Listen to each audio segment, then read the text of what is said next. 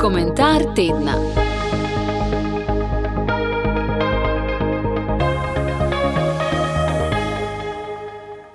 Preljubo veselje, oj, kje si doma? Jutri bomo praznovali god svetega Martina, enega najbolj priljubljenih svetnikov med slovenci. Ta praznik je trdno zasidran v naš vsakdan ter našo narodno zavest. Zato bi bila resnična škoda, če ga dojamemo zgolj kot praznik veseličenja, omejenega in pogojenega z odsevom preveč popitega mladega vina. Razmislimo o bistvu tega praznika, ki ga lahko občutimo predvsem v hvaležnosti in resničnem pristnem veselju, tistem veselju, ki ga je Slomšek poimenoval preljubo veselje. Najprej se dotaknimo hvaležnosti. Še vedno med nami odmeva zahvalna nedelja, ko smo se spraševali, zakaj smo v življenju resnično hvaležni. Beseda hvala včasih trsne iz ust brez premisleka, preveč rutinsko, mnogokrat tudi neiskreno ali s cmokom v grlo. Resnična hvaležnost izvira iz človekovega srca, ki se zaveda, da v življenju nič ni samoumevno. Da bi lahko tudi ne bilo ali bilo drugače.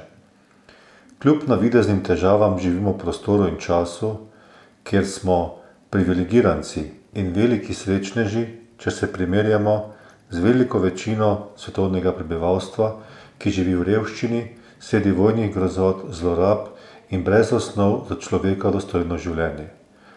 Čemu potem toliko tarnanja, črnogledosti in obupa? Ovila nas je spirala negodovanja, kritiziranja, nezadovoljstva in obupa. Vendar pa, ko odpremo oči in se ozremo okoli sebe, bi morali biti vsaj tiho, če že hvaležni ne znamo biti več.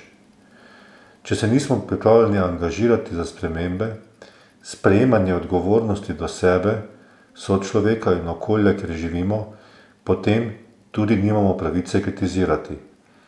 Hvaležnost na drugi strani pa obogati naše življenje s pomenom in zadovoljstvom, predvsem pa nas aktivira in motivira za življenjske spremembe in zavzemanje biti vedno boljši in boljši.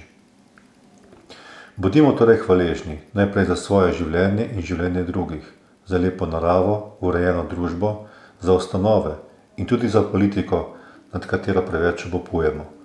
Je pač takšna, kot je.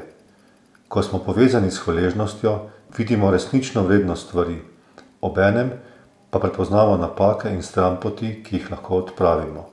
Ne le z besedami, ampak predvsem za dejanje. Seveda pa na drugi strani tudi drži, da nam v zadnjem obdobju politika bolj vlada z besedami in medijskimi spini, kot pa z dejanji. Od rekonstrukcije vlade do protipoplavnih ukrepov do prepotrebne zdravstvene reforme. Kaj nam torej pomagajo lepe besede in obljube, če se ne uresničijo? Kolikokrat smo recimo v Sloveniji slišali, da se bodo uredile zadeve na področju zdravstva? Pa ravno nasprotno, te dni je udarila novica o odhodu vodilnega otroškega srčnega kirurga.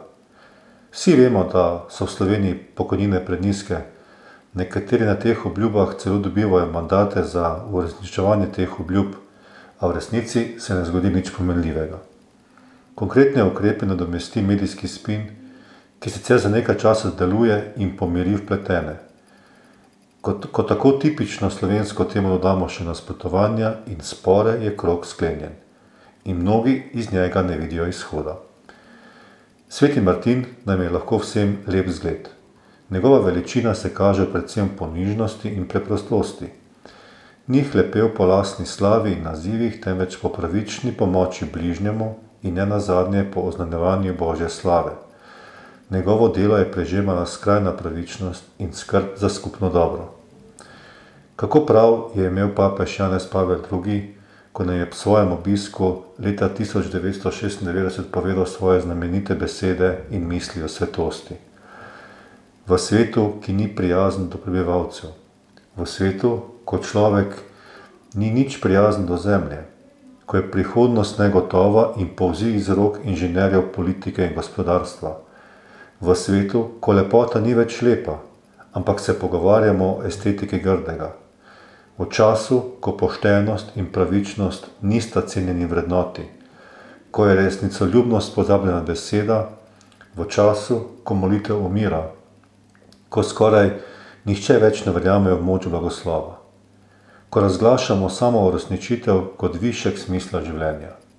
V tem času je potrebno posebno znamenje in to znamenje je svetost.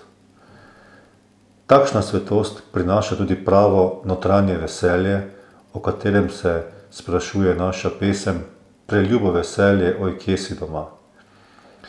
Veselje, ki predrugači naš pogled na svet in nas spodbudi, da začnemo spreminjati zadeve na boljše. Naj nam mlado vino, s katerim bomo nazdravili na svetega Martina, otopli in odpre naša srca, da bodo odprta za dobro in lepo, ki nas obdaja. Komentar tedna.